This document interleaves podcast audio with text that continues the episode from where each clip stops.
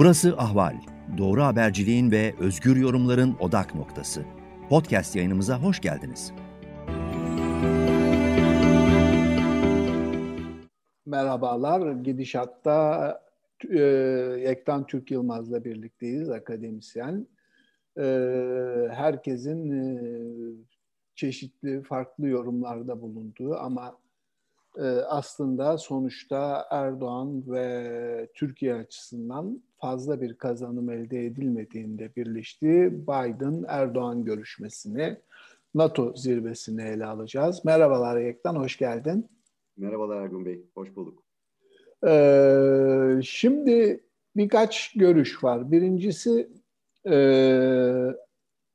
Biden e, bir kendince doktrin oluşturdu. İşte Çin ve yükselen Çin ve Rusya'ya karşı demokrasi ittifakı oluşturmak ve bunu da askeri bir e, ittifak olarak ortaya çıkmış. NATO çerçevesinde gerçekleştirmek, NATO'yu bir çeşit demokrasi ittifakına dönüştürmek. Ee, bunu yaparken de işte demokratik olmayan NATO üyelerini Macaristan gibi o yola e, doğru eğim veren Polonya gibi ve artık otoriter diktatöryel bir sistem olmuş Türkiye gibi rejimleri demokratikleştirme mücadelesi vereceğini de söyledi. Ancak e, birinci e, nokta burada Erdoğan'la baş başa görüşmeyi tercih etmiş olması. E, yani heyetler arası görüşme çok kısa sürdü. Erdoğan'la görüşme işte 50 dakika çevirileri bir yana koyarsak adam başı 10-12 dakikalık karşılıklı bir konuşmadan ibaret olduğunu çıkarabiliriz. Ee, yani orada Afganistan gündeme geldiyse 3-4 dakika, ee, S-400 geldiyse birkaç dakika, yani demokrasi ve insan haklarına konu geldi mi ee, ya da daha çok Biden konuşup Erdoğan dinledi mi onu da bilmiyoruz elbette. Belki Ermeni soykırım meselesinde öyle olmuş çünkü e, açıp kararını bildirmiş Erdoğan da sadece işte Suriye teröristler FETÖ diyebilmiş hiç o konuda bir şey dememiş. E, senin algın ne? Erdoğan'ın en büyük kazancı baş başa bir fotoğraf vermek, kamuoyuna Amerika ile aramız güçlendi, düzeliyor mesajı vermek mi oldu ama Piyasa onu bile satın almadı yani dolar bir anda 15 kuruş 20 kuruş artı verdi. Ne, ne anlatıyor bu tablo bize? Vallahi evet piyasa dediğiniz gibi e, ilk ölçümü yaptığı e, maalesef piyasanın her şeyi ölçtüğü günlerden geçiyoruz. E, ve e, zaten e,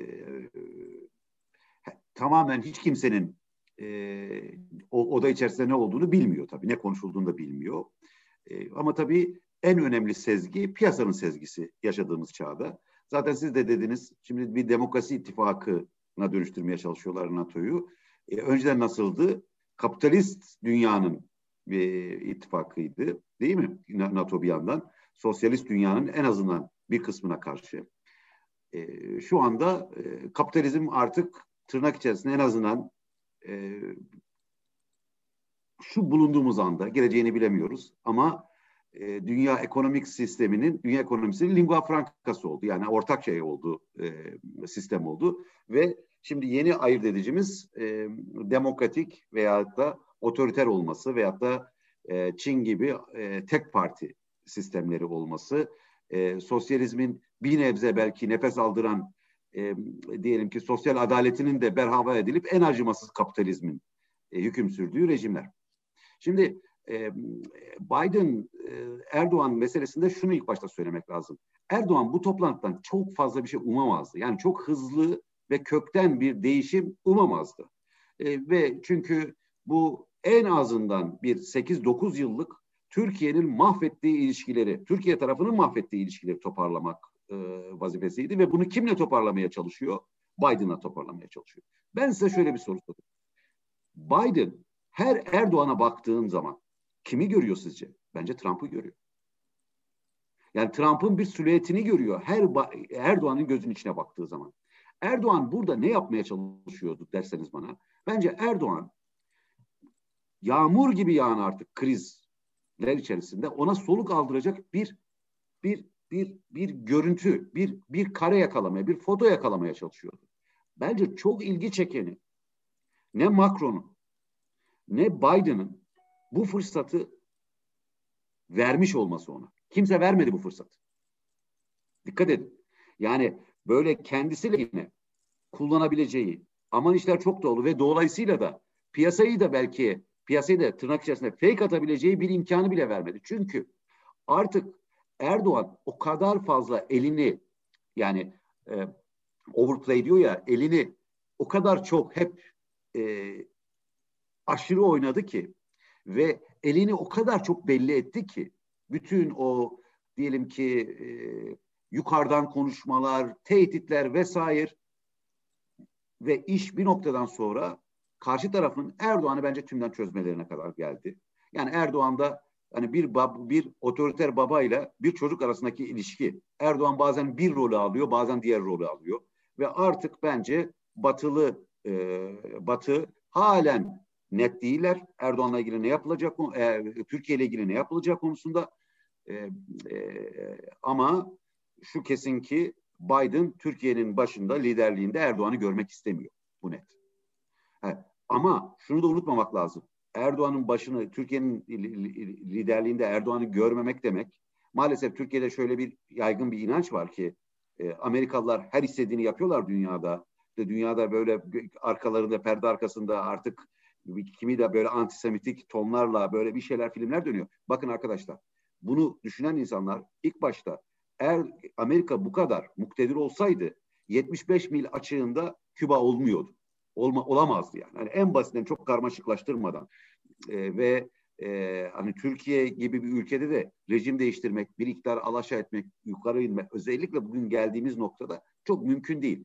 Ama şu kesin Erdoğan'ın elinde hiçbir şey yok.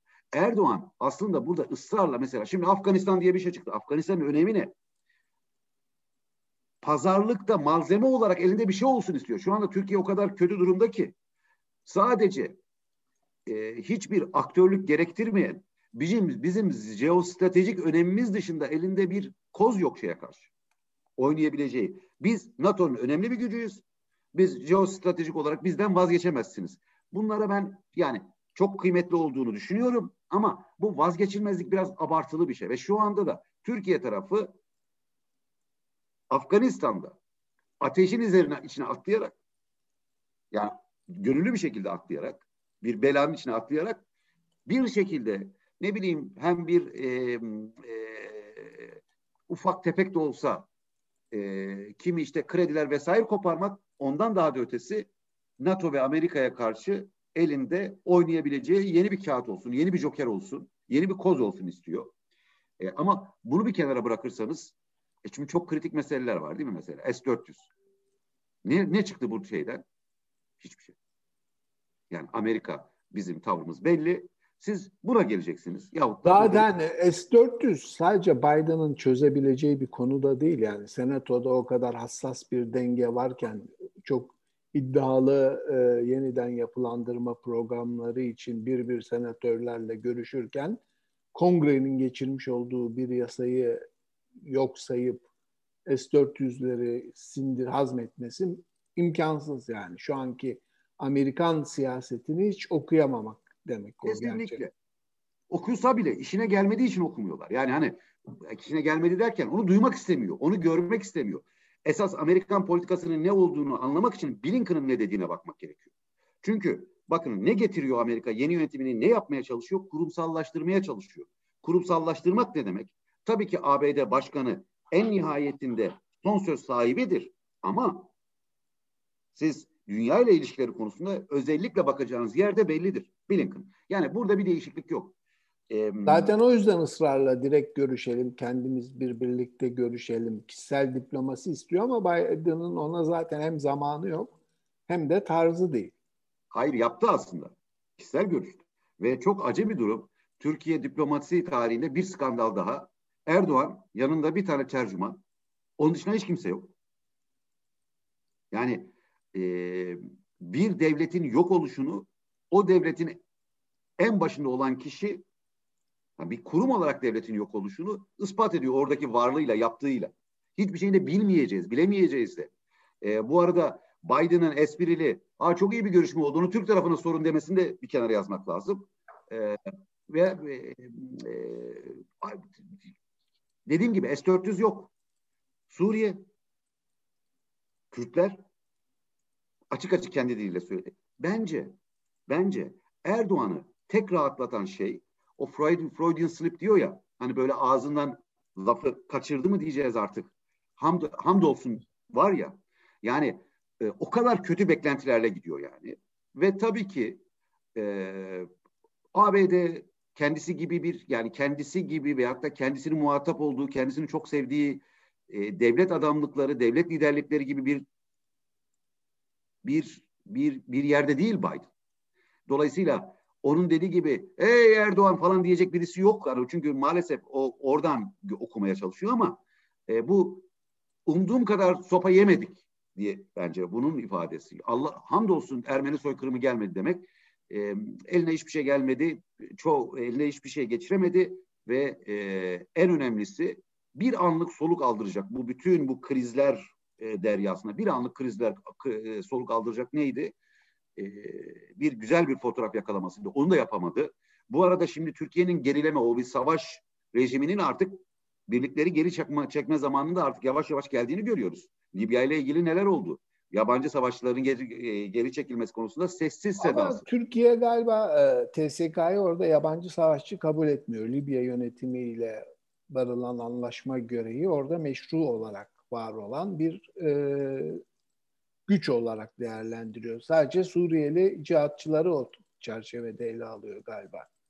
Evet, evet, evet. Ama e, bak bana sorarsanız e, e, temel e, şey gücü e, söyleyin siz. Şimdi askeri stratejilerine baktığınız zaman bence e, çok ayırt edici, bu dönemin çok ayırt edici bir özelliği işte bu gibi bir e, e, cihatçı ticareti. Cihatçılar üzerinden bu savaşları yapmak ve bunu geri alıyor ve bunu üstleniyor. Bu cihatçıların sahibi olduğunu, onları geri getirdiğini de üstleniyor bir yandan. Ve koşa koşa sessizce yaptı. Bütün devlet erkanını oraya yolladı. E, apar topar. E, bir de tabii şunu da unutmamak lazım. Şimdi burada iki tane çıkmaz var. Daha önceki konuşmalarımızda söyledim. Mesele Batı'nın, Amerika'nın, Almanya'nın, Avrupa'nın, Macron'un Türkiye kredi açması değil. Türkiye'de bu krediyi kullanacak, bunu lehine kullanabilecek bir liderlik yok, bir devlet yapısı yok, bir e, elit elit e, e, siyasal elit yok. Şimdi bu dünkü o görüşmeler işte e, e, iyimser olmayı umarak yapılmış e, ter, e, e, e, Erdoğan açıklamaları. Ondan sonra bakın bugün Bahçeli'nin açıklamalarını okuyun. Bu Bahçeli sayesinde ayakta duran bir iktidar bu bir yanıyla rejim. Tamamen ee, öyle. Evet bir yanıyla diyelim. Yine de ben tümden ipi yani orada e, e, tümden e, iplerin er, e, e, Bahçeli'nin elinde olduğunu düşünmüyorum ama e, sizin de dediğiniz gibi çok belirleyici bir durumda. Neler söylediğine bakın. S-400'lerle ilgili ne söylediğine bakın. NATO ile ilgili ne söylediğine bakın. Demokrasi, yeni demokrasi ittifakı ile ilgili ne söylediğine bakın. İçişleri Bakanı'na bakın. Görevden alamadığı İçişleri Bakanı Amerikan konsolosuna vermiyorum, vermeyeceğim diye konuşuyor. Yani şimdi bunun bu bu liderliğin zaten şey yok. Bir de son bir şey söyleyip bırakacağım sözü. Erdoğan olmak istediği yerde görmüyor. Yani olmak istemediği bir pozisyonda olduğunun farkında. Erdoğan kendisini orada görmüyor. O konuda görmüyor. Erdoğan kendisini tabii ki bir yüce Hakan olarak görmek istiyor. İlenen dilenen birisi olarak görmek istemiyor. Ve bu durumdan çok mutsuz. Kendisi de çok mutsuz. Yani bir film düşünün ki istemediği rolü oynamak durumunda. Bunu da eklemek gerekiyor. Şimdi Bahçeli de atıp tutuyor ama Türkiye S-400'ü aktive edemiyor mesela. Tabii. Niye Tabii. edemiyor? Edememesi ne demek ama? Türkiye'nin dış siyasete kitlenmesi demek işte. Bunu bunu yüzden edemiyor. Çünkü edemiyor da çıkartamıyor da. E şimdi bir de şimdi tersten şöyle düşünün. Hani eğer yani biz bu aktörleri tanımasak ve sadece yukarıdan drone'la Türkiye'nin hamlelerine baksak şunu düşünebilirsiniz bir an için. Yahu ne kadar sofistike bir dış siyaset yapıyorlar acaba?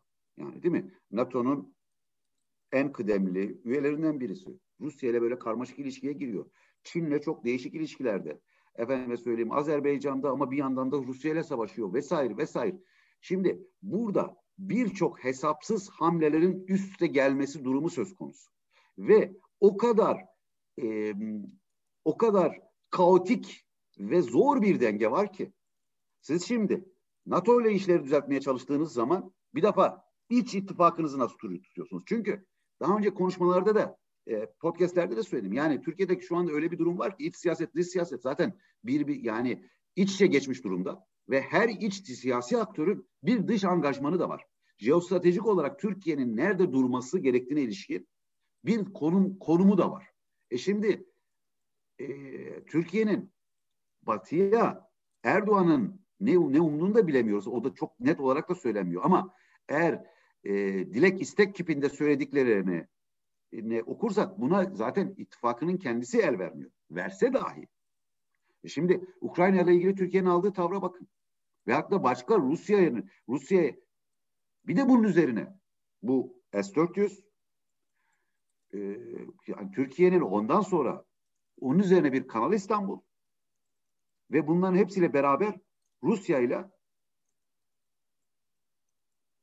barışçıl, normal, Putin'le bir ilişkiyi sürdürebileceğini düşünmek. Bu gayet gerçek dışı ve bir de Rusya'nın sıkıntısı şu. Rusya uzakken Türkiye üzerindeki etkisi çok azdı. Şu anda çok girift ilişkilere sahip Türkiye. Yani önceki gibi e canım ne yaparsa yapar diyemeyecek durumda Türkiye. Çok fazla angaja olmuş durumda. Birbirinden hesapsız, birbirinden yani sofistike değil aslında bu yaptıkları. Çünkü düşünce aslında strateji barındırmıyor bu yaptıkları hamlelerin hiçbiri. Barındırmadığı için böyle bir kaotik mes, kaotik bir e, diyelim ki e, enkaz orada oluşmuş durumda. Dış siyaset enkazı ve işin içinden çıka, çıkılamayacak, çıkılamayacak bir hale gelmiş bu rejimle. Ama yani gördüğüm kadarıyla Amerikan yönetimi de tam Türkiye'yi tamamen aşağılamak, işte yere düşmüşken üstünde tepinmek istemiyor. Bir face saving e, şeyi fırsatı veriyor gibi. E, işte açıklama yapmaması tabii yani basın toplantısında Erdoğan'la yaptığı görüşmeden bir kelime bile bahsetmeyip tamamen Rusya'ya odaklanması e, onun bir göstergesi yani içeriğin çok iyi olmadığının e, e, bir şeyi. Ama Beyaz Saray Güvenlik Danışmanı Sullivan'ın e, Avrupa'ya gelirken uçakta yaptığı görüşmede Erdoğan'la konuşulacak konuları sayarken insan hakları ve demokrasiyi saymadığını gördük. Yani sence o konular gündeme gelmiş midir o ikili görüşmede? Ben o ikili görüşmede çok gündeme geldiğini sanmıyorum. O ikili, ikili görüşmeyi de çok önemsememek gerekiyor. Neden önemsememek gerekiyor? ABD'de Trump dönemi yok artık. ABD'de Biden dönemi var. Bir devlet aklı var. Devlet aklıyla karşı karşıya. Ben Türkiye'yi ezmemelerinin de çok e, taktiksel bir tavır olduğunu düşünüyorum. Şu manada Türkiye'de Erdoğan'ın hani dedim ya Erdoğan'ı bayağı çözmüş durumdalar. İç muhalefete karşı uyunayabileceği herhangi bir silah da vermiyorlar. Eline. Yani bu Erdoğan'ı çok daha zora sokuyor ve şu konuda da ben e, kaniyim, e, buna inanıyorum ki Erdoğan'dan ABD yönetimi, Biden yönetimi zaten bunları kendileri de e, defa eten e, ifade ettiler. Erdoğan'dan kurtulmuş bir Türkiye görmek istiyor. Hani bunun da değişmesi için herhangi bir gerekçe görmüyorum.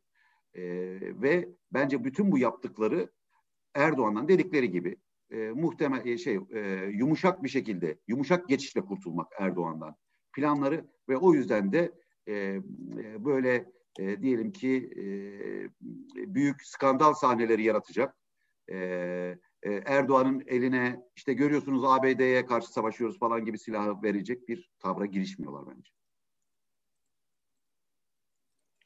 Peki e, şeye dönüp bakarsak e, içerideki tepkilere yani bir gün önce e, şeyi de konuşacağız.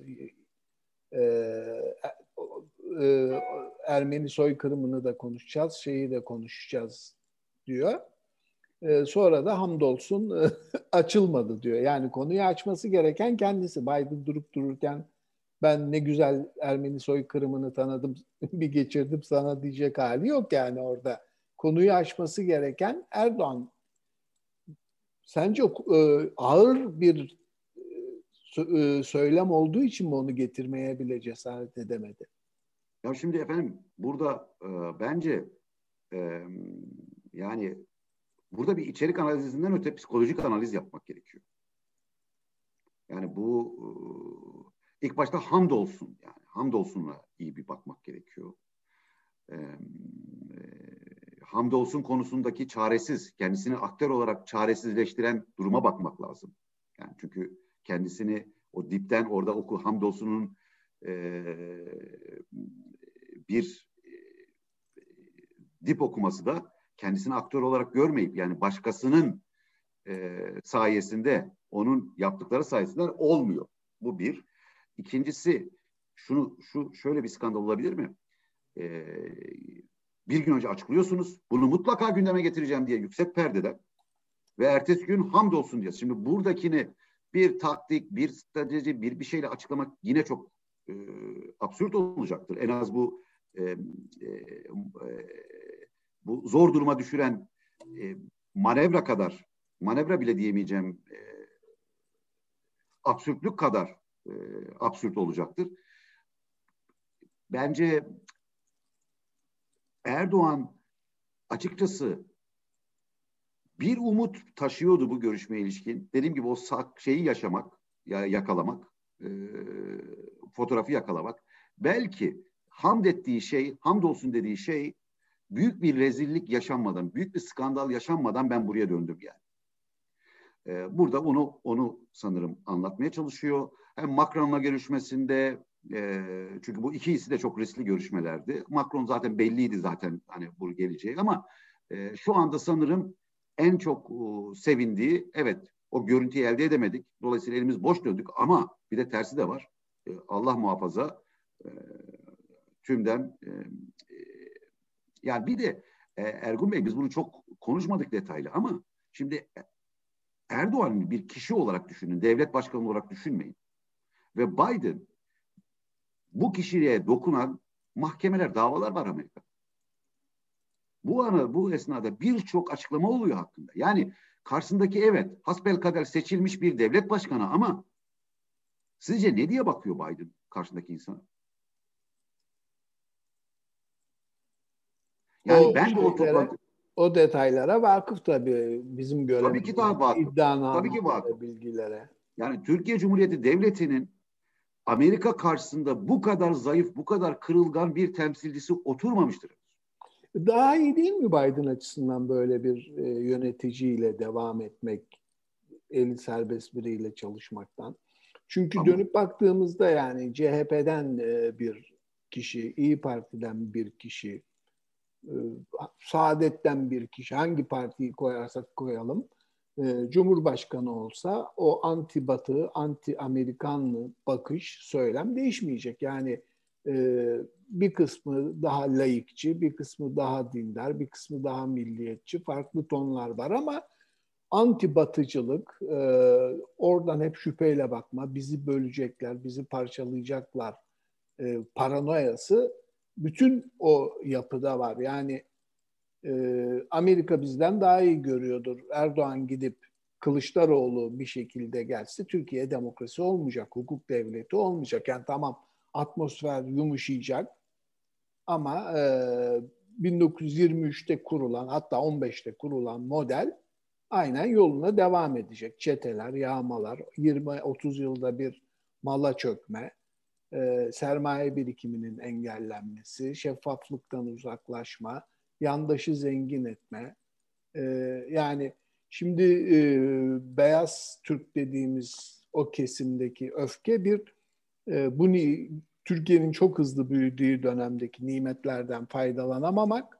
İki, e, bu işi şimdi işte aşağıladığı e, başörtülük, kara fatma vesaire gibi terimlerle aşağıladığı kesimin o nimetlerden yararlanıyor olması. Dikkat edersen e, yani modern kadınların lüks jiplerle evlerin partilerdeki görüntüleri hiç eleştiri almıyor ama başörtülü bir kadın evinde lüks bir sofra kurmuşsa, tüketim e, modunu gösteriyorsa ona küfür, hakaret yağıyor. Bu sınıfsal bir şey aynı zamanda yani. O, o fark var. Yani CHP'de ya da onu destekleyen tabanda e, batı tipi demokrasi, hukuk devleti arzusu yok ki. Şimdi bu çok karmaşık bir soru soruyorsunuz ve çok yerinde bir soru soruyorsunuz. Aslında e, cevabı da e, gayet veya buna verilebilecek cevaplar da e, e, zor cevaplar. Ama şimdi ilk bakışta tabii ki şöyle bir şey. Güçsüz bir Erdoğan. İstediğin gibi, istediğin gibi, istediğin yöne göre sürdürebilirsin. Elinde ailesiyle ilgili dava var yahu. O kadar yani elinizde. O kadar size muhtaç. Yani gidiyor eşini bile, eşini bile bu konuda lobi yapmaya, lobi yaptırmaya çalışıyor değil mi? Yani e, kendi de var sırf ailesi değil yani. Hayır, hayır kendisi de var. Ailesi de var. Yani Eşi, o da, dosyada şey olduğunu biliyorum ben mesela meşhur 50 bin euroluk Hermes çanta. Çanta.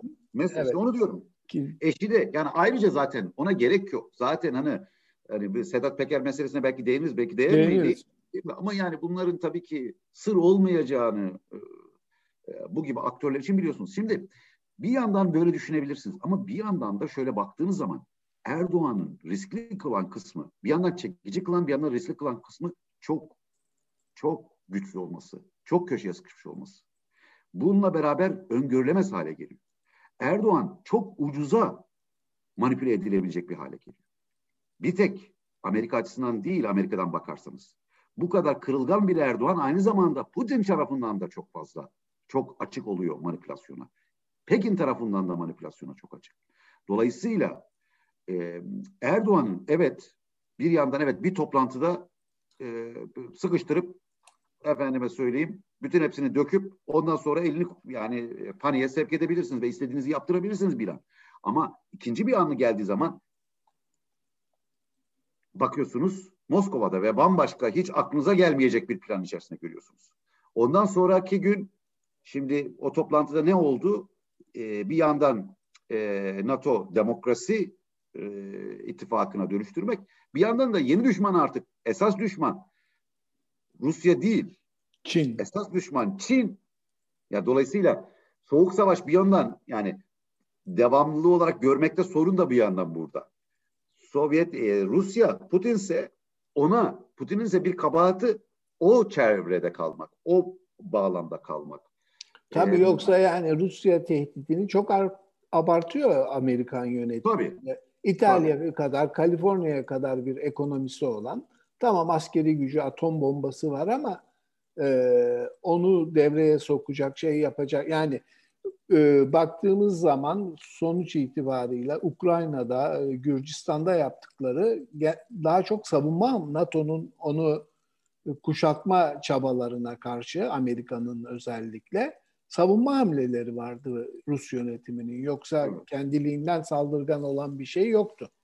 Evet, evet. Evet. Şimdi şimdi CHP ile kıyasla, kıyaslamaya gelirsek, İyi Parti ile kıyaslamaya gelirsek, mesela CHP İyi Parti iş başında olsaydı. Ee, Birçok yani bu, Türkiye'de evet dediğiniz gibi bu Amerikan karşıtı söylem devam edebilirdi. Hatta daha güçlü bir perdeden de devam edebilirdi. Daha az pragmatist gözüken bir perdeden de devam edebilirdi. Ama S-400 alınmazdı mesela. Değil mi? Yani çünkü orada Burası bunlar çünkü bu bu dediğiniz kesimler Türkiye'nin artık o geçti. Türkiye çünkü artık yeri eski yerine konulamayacak bir konuma geldi. Ama eğer öyle o, o gibi aktörlere çalışıyor olsaydı ABD yine kendi zararı kendisini çok hoşlanmayacağı işlere girişebilirlerdi. Ama eksen kaynaması, kayması yaşamazdı Türkiye. Şu anda Türkiye'nin Türkiye'ye idare etmelerinin bir sebebi de NATO'nun çok içinde bence o kadar görmüyorlar. Yani bu yeni paradigmanın asli bir unsur olarak gördüklerini sanmıyorum Türkiye. Yani Dolayısıyla, çeşitli dedikodular var ya en kritik toplantılara Türk temsilcinin alınmadığı yolu. Misal, misal, yani misal. Doğrulatılamıyor misal. tabii ki o ama. Tabii. Tabii. Tabii. Yani dolayısıyla o kadar büyük öfke de gerektirmiyor Türkiye. Yani Türkiye e, şu anda de, daha önce de konuştuk. Pusulasını kaybetmiş soğuk savaş sonrasında e, Erdoğan'ın son 10 e, yılıyla da e, artık raydan çıkmış bir ülke. Nereye gittiği, nereye yöneleceği herkes tarafından muamma. Yani dolayısıyla NATO üyesi olmak ayrı bir şey. Bu paradigmanın, yeni paradigmanın asli unsuru olmak ayrı şeyler. Siz 1952'den beri biz üyeyiz falanla değil bu. Yani çünkü yeni bir dünya, yeni parametreler ve yeni ilişkiler var. E, e, dolayısıyla Erdoğan'la evet güçsüz bir Erdoğan muhtemelen konuşması kolay ama kontrolü zor. Yani konuşmak kolay. İstediğinizi söylüyorsunuz ve dinlemek zorunda. Biliyor. Ama e, güvenilir değil. Öngörülemez. Öngörülemez. Yani bu e, ve e, ve bu şekil e, e, tabii şu da var tabii bütün bu resimde şunu da koymak gerekiyor. Özellikle Avrupa içerisindeki e, dağınık tablo e, ve bilhassa da Merkel'in başını çektiği Türkiye lobisinin etkisi. Bunu da koymak lazım. Bunu da unutmamak lazım. Ona karşı da Draghi, Macron, Fransa, İtalya evet. birliği bir eksen oluştu gibi. Yani Draghi ile hiçbir araya bile gelmedi yani. Şey, Bakış böyle uzaktan bakışmalar. Şey dert e, boş bakışmalar. Ee, Peki CHP konuşurken e, şimdi bu kirlilik, temizlik meselesine de biraz değinelim. Şimdi öğreniyoruz ki CHP'nin üç tane yönetim kurulu üyesi var. İş Bankası'nda e, şeyi Atatürk e, hisselerini ona bağışladığı mirasının temsilcisi olarak. Bu üç yönetim kurulu üyesi önemli mi? Çok önemli. Çünkü onlar imza vermezlerse bankadan tek kuruş kredi çıkmaz. E, hatırlarsak 2020'nin başından itibaren gerek Erdoğan gerek Albayrak bir İş Bankası'ndaki CHP hisselerinin hasine, hazineye devri konusunda aşırı baskı yaptılar. Ayda bir gündeme geliyordu. İşte sarayda toplantı yapıyordu. Grup başkan vekiline talimat veriyordu. Hazırlayın yasayı. Yarın geliyor, öbür gün geliyor. Sonra 1 Nisan günü toplanan e, Cumhuriyet Halk Partisi şey İş Bankası Yönetim Kurulu 3 CHP'li üyeyle e, yönetim değişikliği yaptı ve yani İş Bankası'nda emeklilik yaşı gelince değişir genel müdürler. Öyle bir geleneği vardır. Genel müdür yönetim kurulu başkanlığına atandı ve beklenmedik bir isim. E, muhtemelen sarayın onayıyla genel müdür oldu. Sadece o genel müdür olmadı anlaşılıyor Peker'in tweetinden. Peker'in eski koruma müdürü de yönetim kurulu başkanı. Efendim? Soylun. Soylun. Soylun'un. Ee, İş Bankası'na yönetim kurulu baş danışmanı oldu. Yani şimdi İş Bankası sahipsiz bir banka. Ee, biraz karanlık ilişkileri olan bir vakıf e, orada etkili. Ee, şeyi hatırlar mısın bilmem zamanında Aydın Doğan'ın büyük yükselmesinde de İş Bankası'nın rolü büyüktür. O işte o 5 milyon dolara bir dış bank aldı onlardan. E, bankadan aldığı krediyle aldı. İçinde 60 milyon dolar mevduat olan bir bankaydı. Sonra onu birkaç milyar dolara sattı. Ortak olarak petrol ofisi alındı. İşte o zaman bir altın hisse vardı. Onun e, kendisine devrini istedi. İş Bankası Vakfı karşı çıkınca Vatan Gazetesi'nden o vakıf hakkında her türlü yayın yapıldı. Hürriyet yazarları ona destek verdi. Sonunda o hisseyi de alıp petrol ofisini bir kuruş koymadan 3 milyar dolara falan Avusturyalılara sattı. O banka hep böyle e, kaynakları akıllı iş adamları ve siyasiler tarafından e, pervasızca kullanılan bir banka ola geldi. Ama şimdi görüyoruz ki bu kadar kavga var, gürültü var. Kemal Kılıçdaroğlu, CHP sözcüleri Süleyman Soylu'ya çakıyor, ediyor falan. Ama İş Bankası'nda onunla diyelim çünkü o koruma müdürü İş Bankası güvenlik danışmanlığını yapıyor adam baş danışmanı olarak soyguna e, yani silahlı saldırılara karşı mı danışmanlık yapıyor onu bilmiyoruz ama yani orada e, o kişiden çok Soylu'nun olduğunu görebiliriz. İş Bankası'nda CHP, Soylu ve Erdoğan arasında bir anlaşma, bir pazarlık, bir uzlaşma oldu ortaya çıkıyor. Çünkü İş Bankası'ndaki CHP hisselerinin hazineye devri konusu da artık gündemde değil. Neyi gösteriyor bize bu? Direkt cevap vereyim. Türkiye'de kurumsal muhalefet rejime muhalefet rejime muhalif değiller. Bunlar rejimin muhalefeti. Buradan çıkarak şunu da söyleyeyim. Türkiye'de şu anda var olan iktidarı meşru görüyorlar. Onunla iş yapılmasını, işbirliği yapılmasını beis görmüyorlar. Bunu HSYK seçiminde görmedik mi yakın zamanda? Benzer bir durum. Ayrıca kimse sanmasın ki, tabi burada gün yüzüne çıktı yolsuzluklar veya da hırsızlıklar ama yani e, şimdi Sedat Peker ufaktan bugün bir size bahsettiğiniz işte bu e, Engin Güler üzerinden ufaktan bir CHP serzenişi yaptı aslında. Daha sonra da ben aslında CHP'yi zor duruma düşürmek istemiyorum falan filan dedi ama Z, CHP zaten e, e, eğer her şey ortaya aşikare olursa, dökülürse CHP'de AKP kadar olmasa bile zor durumda kalacağına hiç şüphem yok.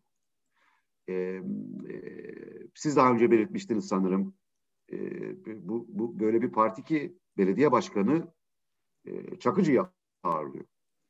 E, bu arada İstanbul'daki kimi belediyelerin AKP'ye çok yakın ve hatta Sedat Peker'in ifşalarında ismini ismi geçen kişilerle iş yaptığını söylentileri ayyuka çıkmış durumda her tarafta.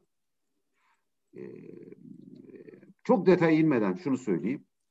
Ee, şu andaki rejimi bir bütün olarak düşünmek lazım. Yani bir tarafta gaddarlar, bir tarafta mazlum CHP, İyi Parti. Bence bu çok aldatıcı bir görüşüm, şey, e, bir görüntü.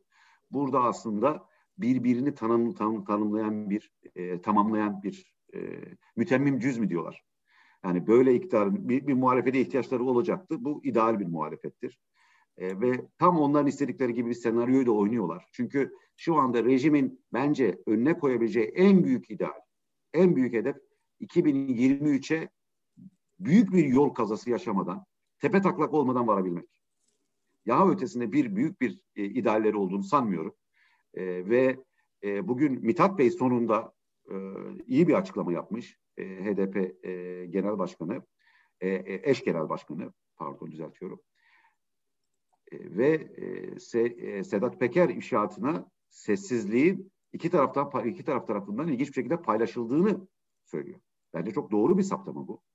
E, çünkü e, CHP ne CHP yani İyi Parti'nin işte geçen İyi Parti Genel Başkanı'nın işte aile içi diye kenara bırakması, CHP'nin böyle kenarından köşesinden dolaşması ve işin aslında skandalın büyüklüğüne ilişkin e, bir tavra girişmemesi çok dikkat çekici. Ve Mithat Bey bence burada doğru bir e, müdahalede bulunuyor ve HDP'nin aslında tutması gereken siyasi pozisyonun Millet e, Millet İttifakı'na eklen, eklemlenmeyi zorlamak değil, tam tersine Türkiye'de bugün acil ihtiyaç olan, acil ihtiyaç olan rejime muhalefet. Rejime muhalefeti örgütlemek ve bunun önüne geçmesi ve burada da tabii ki unutmamak lazım. HDP'yi gayrimeşrulaştırma çabasında da ortaklığı koymak lazım. Bunu da unutmayalım. Yani HD, onun hani bir yandan e, bir tek bunu Bahçeli hedef göstermiyor HDP'yi. Bir tek e, Erdoğan soylu hedef göstermiyor. Millet İttifakı içerisinde de adı konulmadan e, bazen de adı konularak HDP ile yan yana durmanın sorumlu olacağı yani bunu bu gayrimeşru bir a, siyasi aktörmüş imajını yeniden üretiyor bu partiler.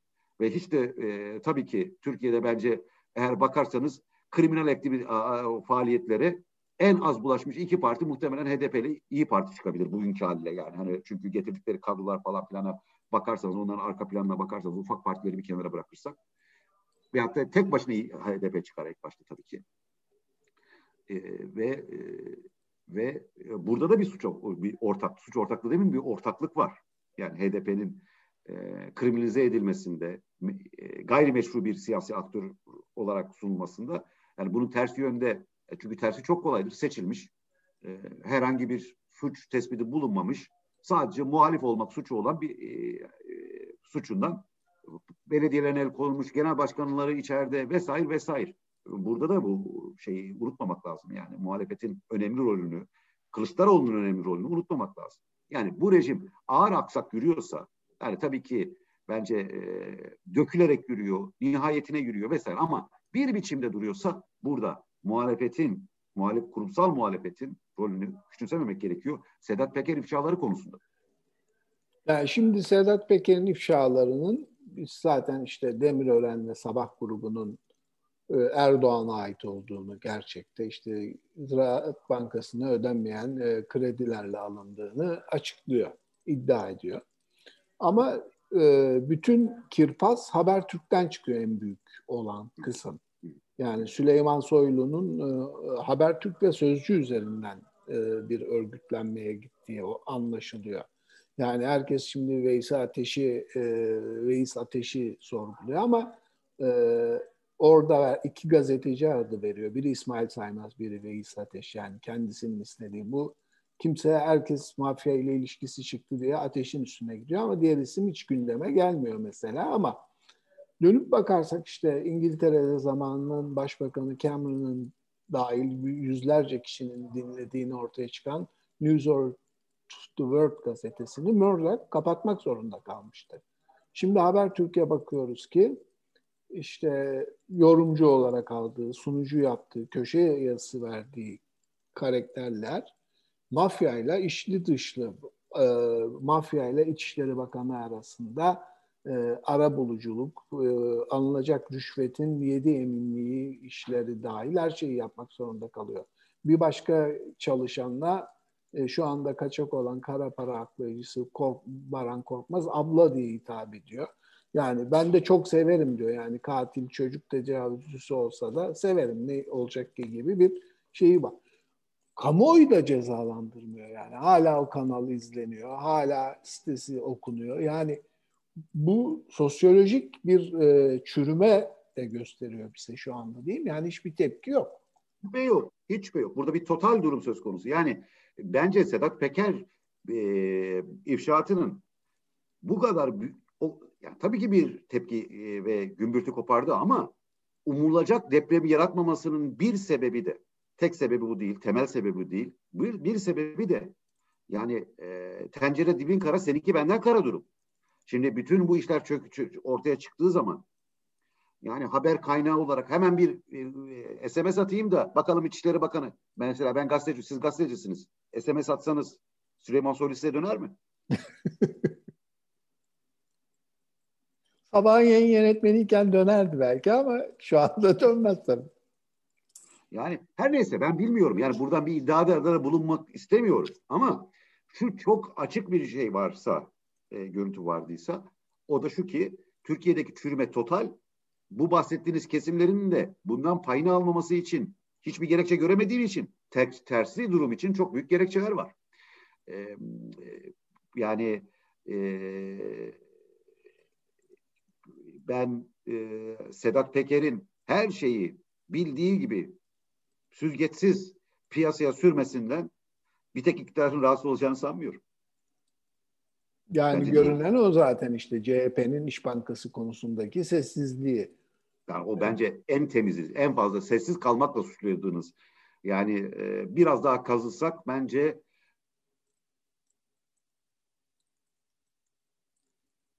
e, şeydir yani oradan ya durum idare etmişlerdir ya ufak paylar kapmışlardır. Yahut da belediyede bir işin olması için Ankara'nın onayını almak için birilerini yani ama fark etmiyor. Yani dolayısıyla şu anda muhalif diye tanımladığımız kurumsal muhalefet e, rejimi rejime muhalif değil, rejimin muhalifi bunlar.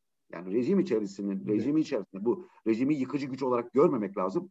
Bu arada e, e, Sırrı Süreyya Önder'in bir röportajı vardı bilmiyorum gördünüz. İrfan Aşağı yukarı bizim burada konuştuklarımız değil mi? Du, du, Evet yani e, çok e, Erdoğan gider gitmez güllük gülistanlık olacak e, şeyi yanlış. Bir Ondan o öte. zehirli atmosfer biraz azalacak.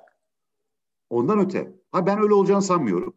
Ondan öte bence orada yani bir daha önce konuştuklarımıza referans e, olabilecek şey şu. Muhalefetin de buradan kurtulmayacağı. Yani hani bir rejim çökecek. Bütün bu konuştuklarımızı o çerçevede düşünmek lazım. Rejim çökecek. E Erdoğan gidecek, Bahçeli gidecek. Sonra e, Kılıçdaroğlu kalacak, Meral e, Akşener kalacak. Bu gerçekçi değil çünkü gerçekten buradaki çöküş bir iktidarın çöküşü olmayacak muhtemelen.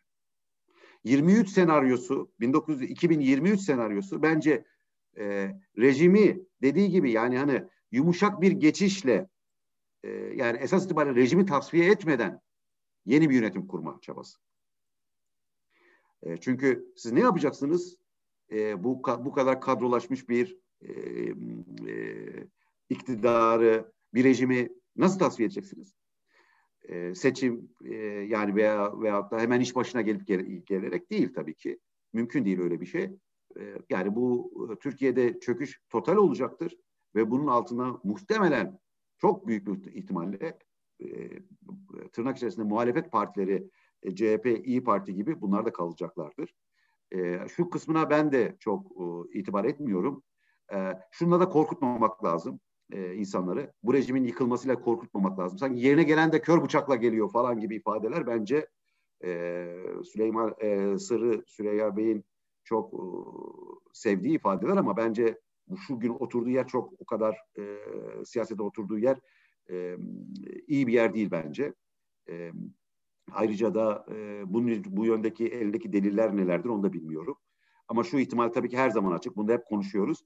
İktidar şu andaki rejim, rejim ittifak kendi içerisinde bir e, daha radikal, daha keskin bir e, yeni iktidar çıkartabilir. Yeni bir e, e, iktidar eliti çıkartabilir. Ama bu şu mevcut rejimden bile muhtemelen çok daha az sürdürülebilir bir rejim olacaktır. Şu rejimi yıkma çabasından kim olursa olsun üzerinden e, e, tabii ne olursa olsun gitsinler demiyorum ama e, eğer kasıt rejimin yıkılmasıysa bundan çekinmemek lazım. Yani bunun arkasından kötü bir şey gelir. Bir de ayrıca katılmadığım bir şey orada onu da söylemek istiyorum. Biz anlatamadığımız için e, çözüm süreci çöktü demek gerçekten o süreci demek ki ya okumak istemiyor e, Sırrı Süreyya Bey yahut da e, artık bilemiyorum. Açıklaması zor. Zor. Peki e, barış ve şey umudu üzerine, yeni düzen üzerine konuşmaları sürdürürüz. Yani buradan tabii insanlara karamsarlık aşılamak istemiyorum ben de yani işte değiş. Ama bu mevcut tablodan eldeki boyayla iyi bir e, tablo çıkmayacağı yani ne yaparsanız yapın o bu yapacağınız resim kötü olacak. Bu gerçeği de görmeleri lazım. Yani e, yeni bir şey kuramazsa Türkiye Tabii. bu bataklıkta debelenecek yani. Tabii. Tabii. Yani, yani evet. sürekli su alan bir kayıkta dizine kadar batmadan idare etmek eğer iyi bir e, çözümse halkın çoğunluğu için tabii ki diyecek bir şeyimiz de yok ona da. Tabii. Tabii, tabii. Ya belki biraz Sedat Peker hakkında birkaç bir şey söyleyebilirdik. Onu da ileriki programlarda. Tabii söyler, söyler misin? Yani şunu söylemek istiyorum. Yani bir de e, şöyle bir şey de çıktı. Tabii e, Sedat Peker'e e, ifşasından sonra muhalefet içerisinde bir kesim e, özellikle ya işte bir mafya liderine e, işte sermayeyi buraya yüklemek. İşte bu kişi işte kan, kan banyosundan bahseden kişiydi. Tehdit eden kişi. Yani e, bu anlaşılır bir şey tabii. insanların çok büyük bir yani bir yandan bir sessizlik var dedik değil mi? Yani bu e, e, kurumsal muhalefette bir sessizlik var. Bunun bir kesiminde olan bir tavırsa e, sanırım HDP içerisinde de böyle Kürt de olsa en azından Kürt olmayan unsurlar arasında olan bir eğilim. E, o da şu yani e, burada işte e, itibarsız bir e, e, Sedat Peker var. Aynı şekilde bu rejim yaransızlık. Bunlar bence bunlar doğrudur. Doğrudur. Burada bir şey de diyemem. E, ancak bu tavırlar bence biraz apolitik. Yani apolitik, neden apolitik diyorum? E, şu anlamda apolitik. Çünkü siyaset elinizde bulunan ihtimaller, yani ideal dünyanızdaki koşullara göre karar vermek değildir. Karşınızda bulunan reel, gerçek ihtimaller arasında tercih yapabilmek ve buna göre gücün yeniden yeniden dağıtılmasının e, mücadelesini sürdürmek benim anladığım özellikle e, soldan ve hatta daha radikal muhalefetten. Yani bu tavır biraz apolitik bir tavır. Yani burada mesele Sedat Peker'i iyiye çekmek, temize çekmek, bir kült yaratmak vesaire değil. Onu zaten kendisi yapıyor. Ama maalesef muhalefette şöyle bir durum da var. Kendi yapamadığını bu sefer tukaka yani oradan gelen ortaları madem Avrupa Kupası'nda geçiyoruz o şeyle diyelim muz ortaları kuvvetli sert düzgün ortaları gole çevirememesinin e, suçunu da bir yandan Peker'e e, yüklüyor. Hani aslında e, tersi burada odaklanılması gereken şey ne Peker kişiliği ne şu ne bu. Burada odaklanması gereken ortaya çıkan fırsatlar ve muhalefetlerin ve muhalefetin e, rejime muhalif olanların bu fırsatları ne derece değerlendirip değerlendiremeyeceği e, ve şey konusunda çok düşmemek gerekiyor. Erdoğan'ı direkt hedef alıyor mu? Şunun elemanı mı? Bunun elemanı mı? Bence bunların hiçbirine gerek yok. Çünkü e, yani burada buralar takılmaya gerek yok. Gerek yok dediğim şey o. Çünkü şu Erdoğan'ın ismen verip vermemesine gerek yok. E, bütün bu ifşaat zaten rejimi sürekli sarsıyor. Sarsın. Ondan öte şunu unutmamak lazım Sedat Peker'le ilgili. Sedat Peker bir tek e, yani bu rejim defa Sedat Peker gibi figürleri sürekli üretecek bir rejim.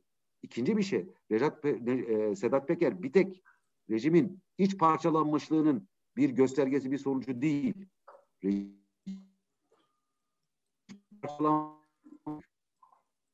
Dolayısıyla bu onu çok daha güçlü, çok daha etkili kılıyor. Yani Sedat Peker inşası sonrasında ortaya çıkan yeni kırılmaları bir de düşünmek gerekiyor.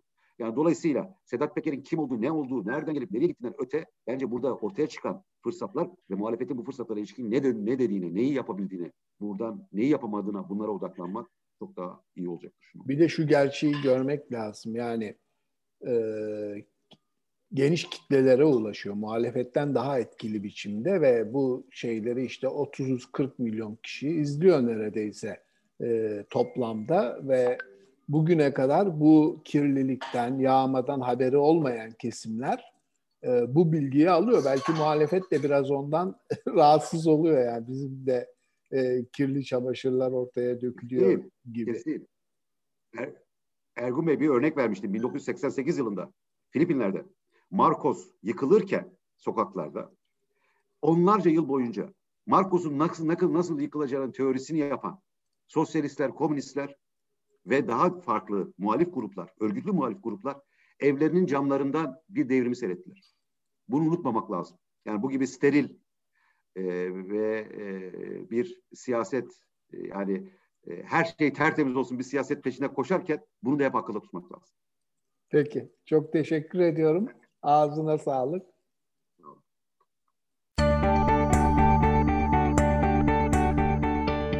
Ahval podcastlerini tüm mobil telefonlarda Spotify, SoundCloud ve Spreaker üzerinden dinleyebilirsiniz. Apple iPhone kullanıcıları bize iTunes üzerinden de ulaşabilir. Türkiye'nin ve hayatın cıvıl cıvıl sesleri Ahval Podcast dizisinde. Kulağınız bizde olsun.